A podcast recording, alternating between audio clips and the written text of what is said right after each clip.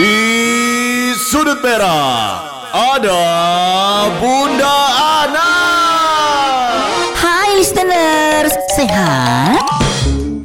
Iguana, informasi dan tips berguna ala Bunda Ana is back. Sekarang Bunda Ana mau kasih tahu bagaimana caranya tips untuk nolak cowok secara halus. Minta maaf yang tulus, kasih tahu alasan kamu nggak mau, puji dan baik-baikin dia, terus yang terakhir bilang kalau dia miskin.